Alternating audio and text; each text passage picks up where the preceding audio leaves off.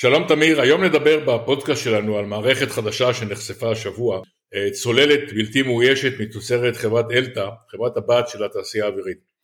מדובר בצוללת שאורכה כ-12 מטר, מונעת במנוע חשמלי, שמצוידת בשורה של מערכות, יש לה פריסקופ, יש לה מערכות סונאר שונות, יש לה מקם שמשדר בתדרים שמקשה על האויב להשתמש בקרינת מקם כדי לזהות את הצוללת ועוד מערכות אה, נוספות. מדובר בכלי מאוד מאוד משוכלל, יש היום בעולם צוללות לא מאוישות אבל אלתא ניצלה פה את כל הידע שלה, גם מערכות אופטיות, מערכות מקם, מערכות לא מאוישות כדי ליצור כלי אה, מרשים מאוד. הכלי הזה עבר ניסויים רבים והוא למעשה על המדף מוכן ל, ללקוחות. יש בו עניין גדול בכלי הזה, הכלי הזה יכול אה, לצאת למשימה, לסיים אותה, לרדת לקרקעית הים, המנועים אה, מפסיקים לעבוד, הסוללה נחסכת ואחרי יום, יומיים, שבוע מתקבלת הוראה והכלי יוצא למשימה נוספת.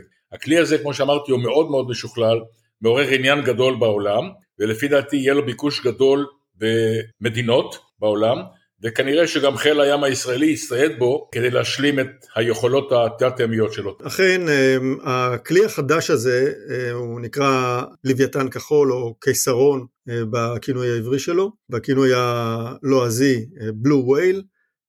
הכלי הזה ייחשף לראשונה בתערוכה של אמצעים תת-ימיים שנערכת אה, בשבוע הבא, תערוכת UDT, תערוכה מאוד אה, יוקרתית אה, שכל מי שעוסק בתחום הצוללות, בתחום הלוחמה התת-ימית נמצא שם. לתעשייה האווירית יש אה, מקום די קבוע בכנס הזה והפעם הם מביאים מוצר מאוד מאוד מרשים, מוצר שמתיישר עם קו שנקרא כשב"מים גדולים או XLUUV, כסלוב. אלה כלים שהחלו להופיע לפני שנה או שנתיים, ממש אה, קטגוריה חדשה של אה, כלים אוטונומיים צוללים, שהכוונה בהם היא בעצם אה, להוות מעין פלטפורמה תת-ימית למשימות מיוחדות שיכולה לסחוב כל מיני דברים ולבצע כל מיני משימות. כלי כזה יכול לשאת בתוכו מטען של כמה טונות, לצאת למשימה עצמאית של כמה שבועות הוא יכול לסייע לכוחות מיוחדים, לצוללנים, או לבצע משימות עצמאיות. אלתא כשהיא מפרסמת את הכלי החדש שלה, מייעדת לו מגוון גדול של משימות. החל מסיור, הכלי הזה יכול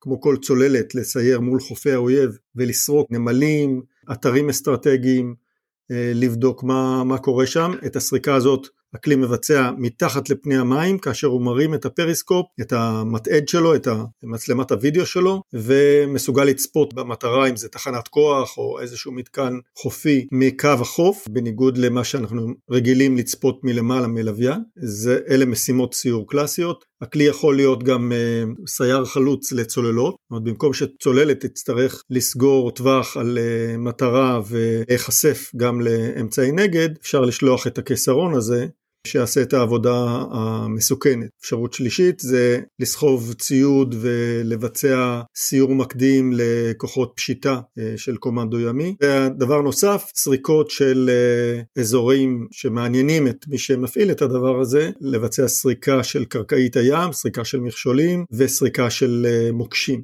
את כל הדברים האלה הכלי יכול לעשות.